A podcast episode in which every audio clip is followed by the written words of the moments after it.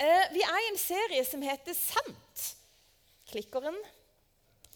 Altså nå Nei, ikke mist den, men har han? Ja, takk skal du ha. Ja. Har, altså, hvis du ikke har vært her før, så kan det være at eh, det er sånn at noen flirer fordi at jeg er ikke så god med klikker, men jeg øver meg. Vi er altså i en taleserie som heter Sant. Og Bakgrunnen for valg av tema det ligger selvfølgelig i Guds ord, men så ligger det òg i Misjonskirka Norge, som vi er en del av, har satt ut en slags ja, retning. Det er egentlig et godt ord, Ingrid. Inger. Unnskyld, hvor er du? Der er du. Inger. Eh, det er en retning. Det er noe som vi skal ha fokus på i de ti neste årene. Og den visjonen den lyder sånn Tro, sende, plante. Og kanskje du har sett at jeg har pynta meg? Og det er ikke bare fordi jeg er på meg mormors gamle bukse, men jeg har fått en genser til jul hvor det står 'Tro, sende, plante'. Og det skal visst være sånn at det går an å bruke telefonen sin og få noe sånn Hva er det det heter for noe når du, du kommer inn på ei side, da, hvis du tar bilde av den? Jeg vet ikke hva det heter. QR-kode, ja. Takk skal du ha. Ja. Og nede i kirkekafferommet i, eh, i fristedet nede, så ligger det faktisk en del brosjyrer som handler om trosende planter, plante, så du kan sjekke de ut. Mens vi vil formidle tro, og vi tenker at vi er sendt, alle, til å formidle hva det går an å tro på, som holder.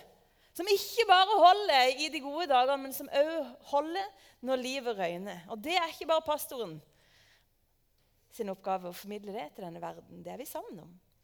I 2. Korinterbrev står det at vi er Kristi sendebrev. Og derav dette bildet. da. Vi er sendt. I dag skal jeg snakke om hva vi er sendt, eller hvordan er vi sendt. Og Sist gang så snakka Steinar om et gjestebud. Og Vi er sendt med en invitasjon til det beste noe menneske noen gang kan erfare. Og det er fellesskap med Gud. Hver enkel sjel, hvert menneske, har en plass hos han rundt hans bord. Har en plass sammen med han her. Og en dag så skal vi feire bryllup i himmelen. Da skal vi spise det han gir. Vi skal drikke det han gir oss å drikke. Vi skal få lov til å leve evig sammen med han. Det er budskapet. At han har gitt hele sitt liv for at vi kan leve evig med han. Ja, hvordan skal jeg Skal jeg liksom bare gå rundt og si det, da? Skal jeg gå rundt og lese opp Johannes 3, 16, for så høyt har Gud elsket verden, at han ga sin sønn den enbårne, for at hver den som tror på han ikke skal gå fortapt med evig liv? Jeg kan jo gå rundt i Tromsø og si det til de jeg kjenner og ikke kjenner. Eller egentlig, Det kan jo oppleves etter hvert, altså etter hvert så kan det jo bli, det kan jo oppleves som en plage. Ikke sant? Det er himla plagsomme pastoren som gjentar det samme mantraet hele tida. Hvordan skal vi være sendebrev? Hvordan blir vi gode sendebrev som gjør at folk tror på det som vi har oppdaga? Steinar nevnte så vidt noen eksempler som Bibelen gir. På hvem? Hvem er det som er invitert til Herrens herlighet? da nevnte han hyrdene på marken og de vise menn. Og Det er jo så nydelig. Det er jo litt sånn der, det, er, det er både kong Salomo og Jørgen Hattemaker hos Gud. I hans rike. Der er det forskjellige liv, der er det forskjellige farger, der er det forskjellige kulturer. Og forskjellige tolkninger av hvem han er. Er ikke det interessant? At han tåler det?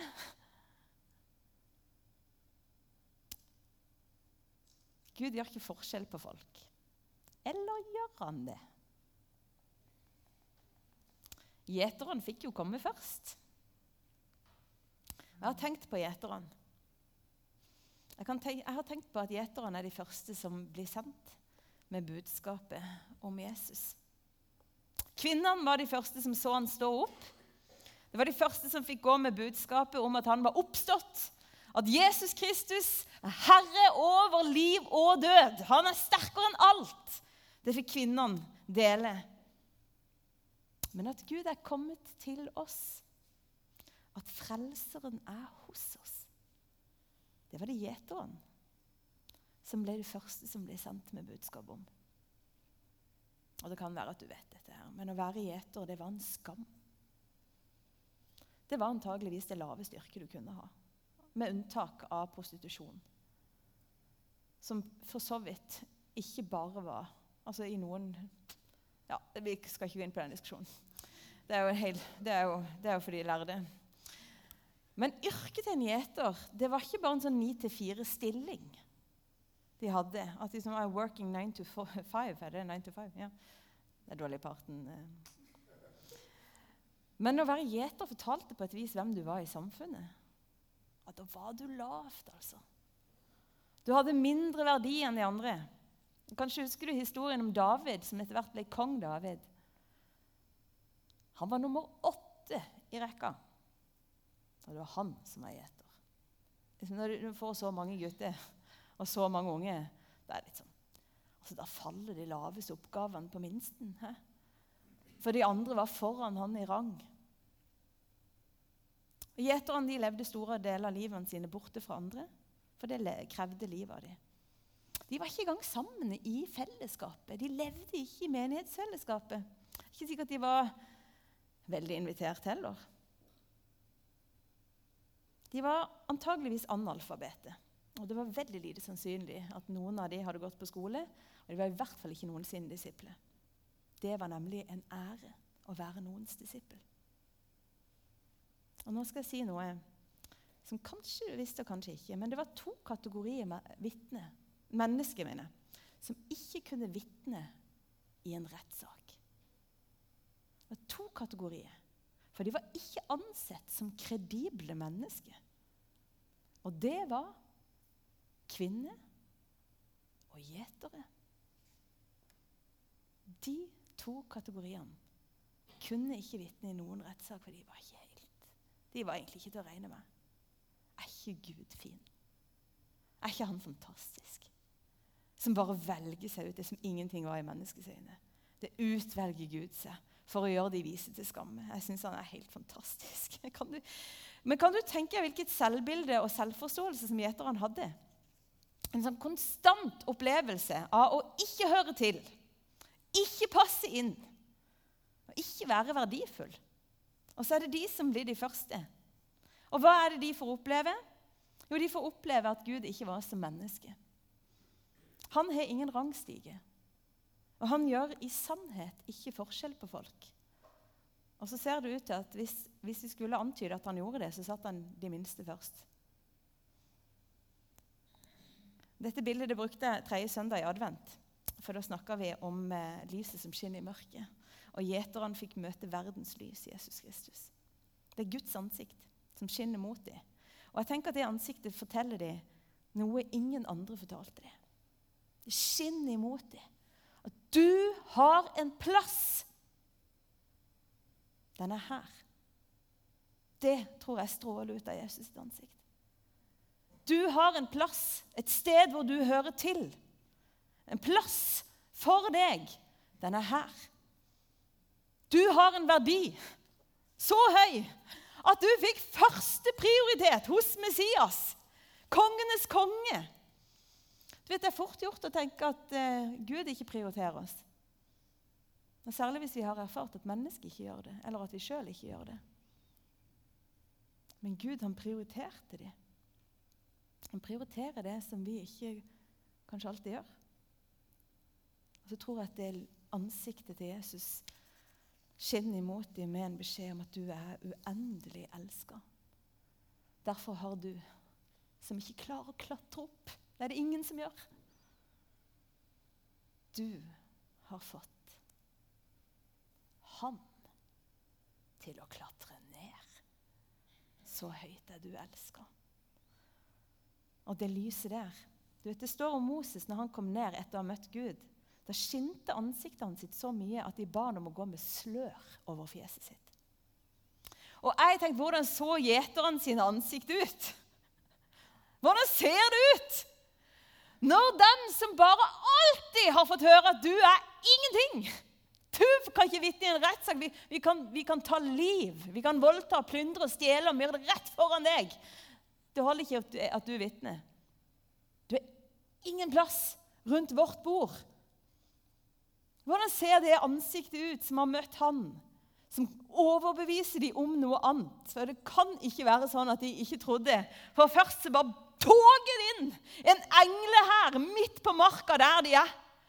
Oh, det er liksom, Der står de, og det er liksom ikke, Vi ser ofte for små barn som står litt sånn her, å, de er så søte. Jeg ser for meg mannen her som toger inn foran dem og sier Gud har kommet til deg. Han har kommet til mennesket. Han har glede i deg. Du. Ære være Gud i, høye, i det høyeste.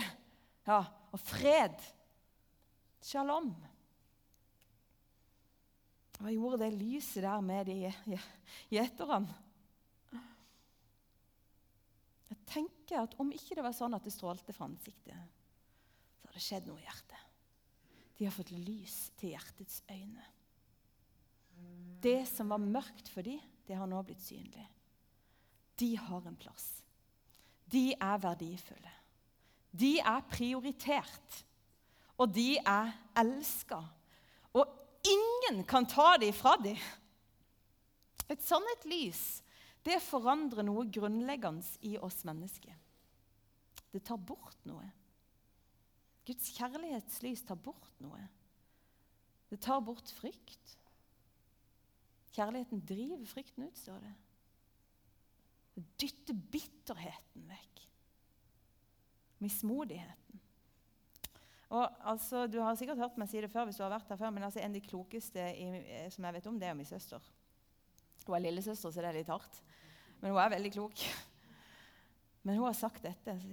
du vet, Når jeg vet at jeg er elska, da slapper jeg av. Hva gjør kjærligheten med oss? Hva gjør det lyset med gjeterne? Jeg ser for meg en sånn jublende gjeng som bare går ut på marka og sier Yes! Ja, ja. Ja, ja, så er det litt kaldt, da. Eller det legger vi ikke merke til. Plutselig er ikke vær og vind det viktigste.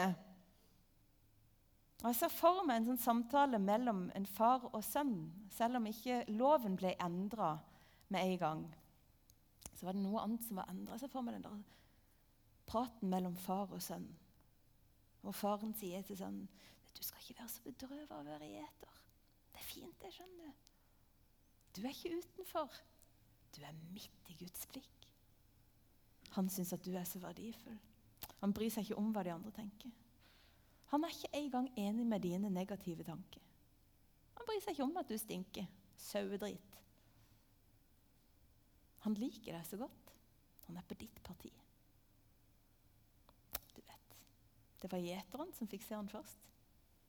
Kan du se for deg den samtalen? Hva er det jeg egentlig holder på å si? Hva er det jeg driver og kverner på?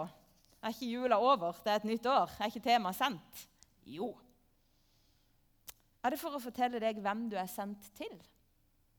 Ja, litt. Det er et poeng. Men mest av alt så tror jeg jeg har en beskjed til deg.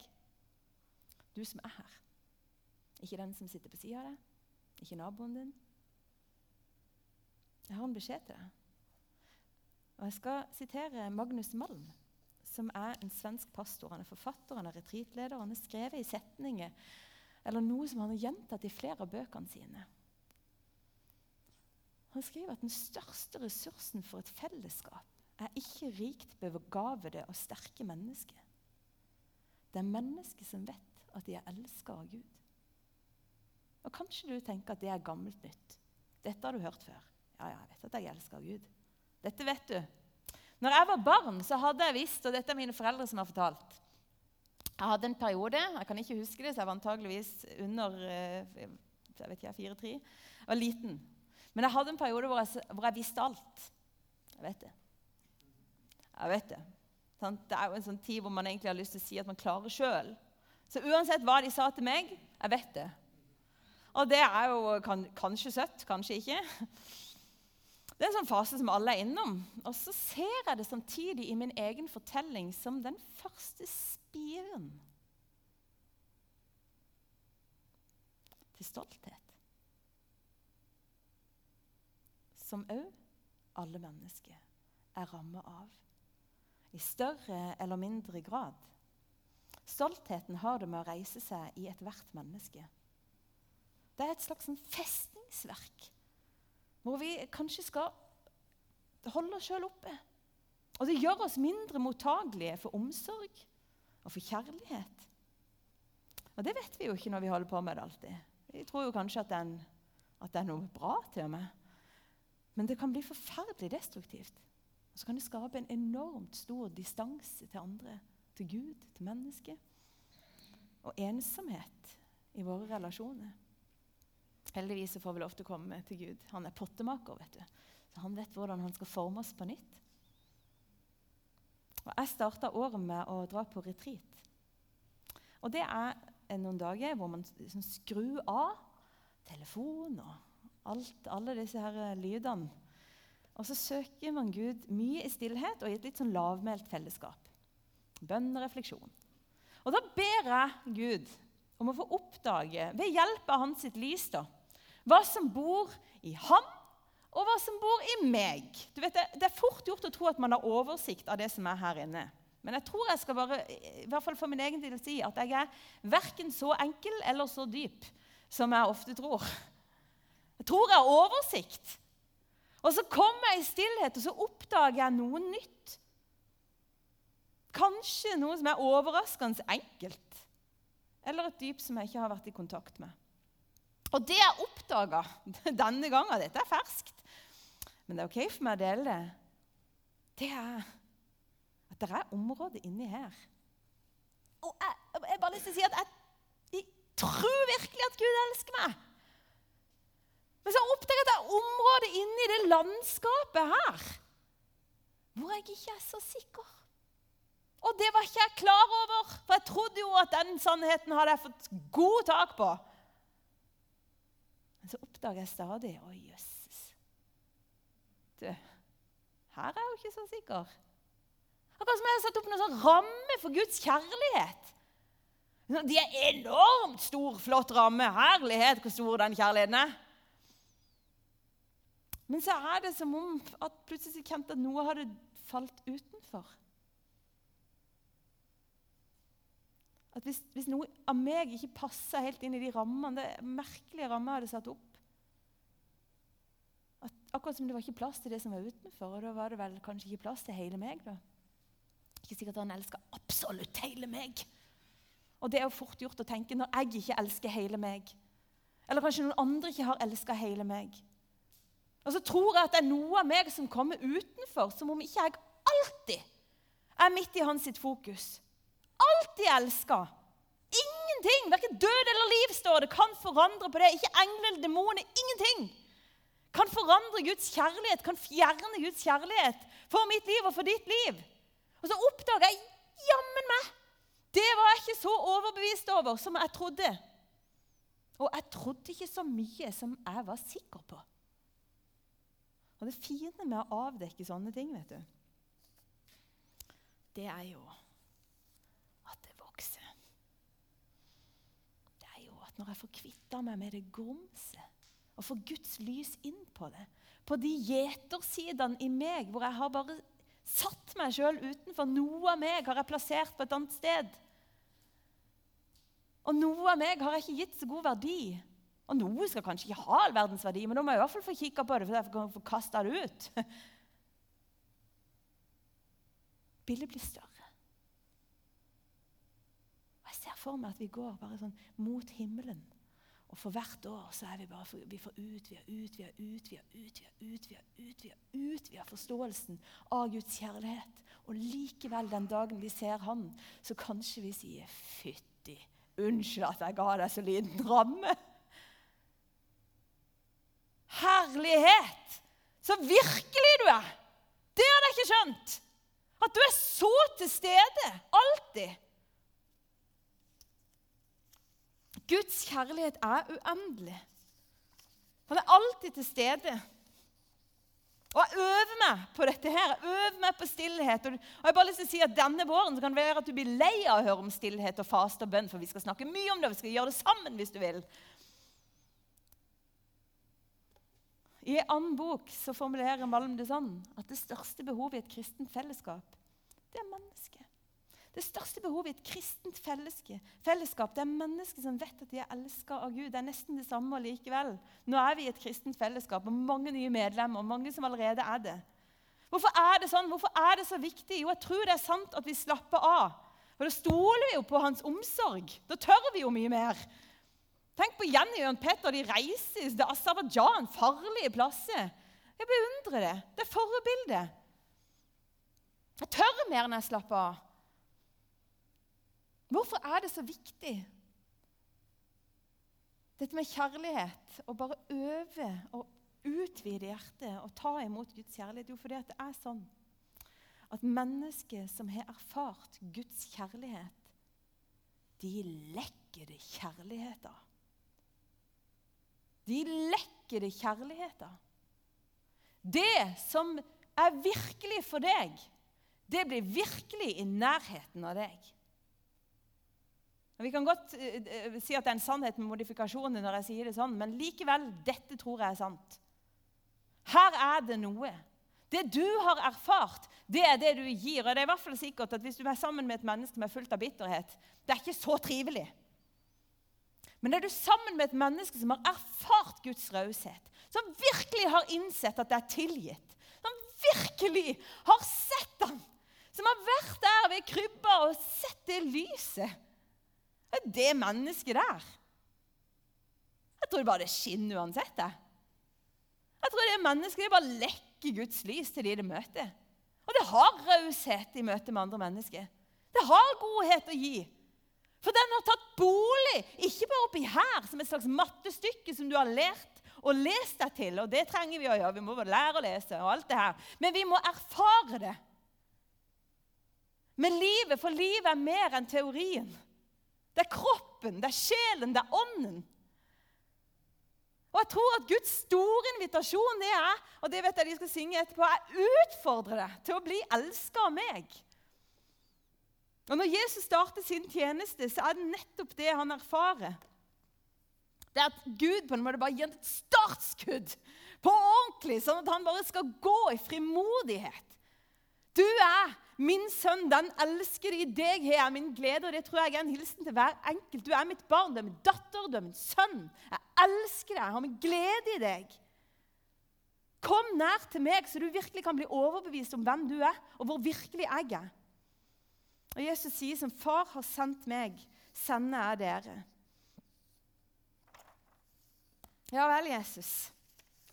Jeg sa en gang når jeg talte på alle sammenmøter, så sa jeg at jeg øvde meg på bønn. Og da setter jeg meg ned og så sier jeg, 'Jesus, kom og elsk meg'.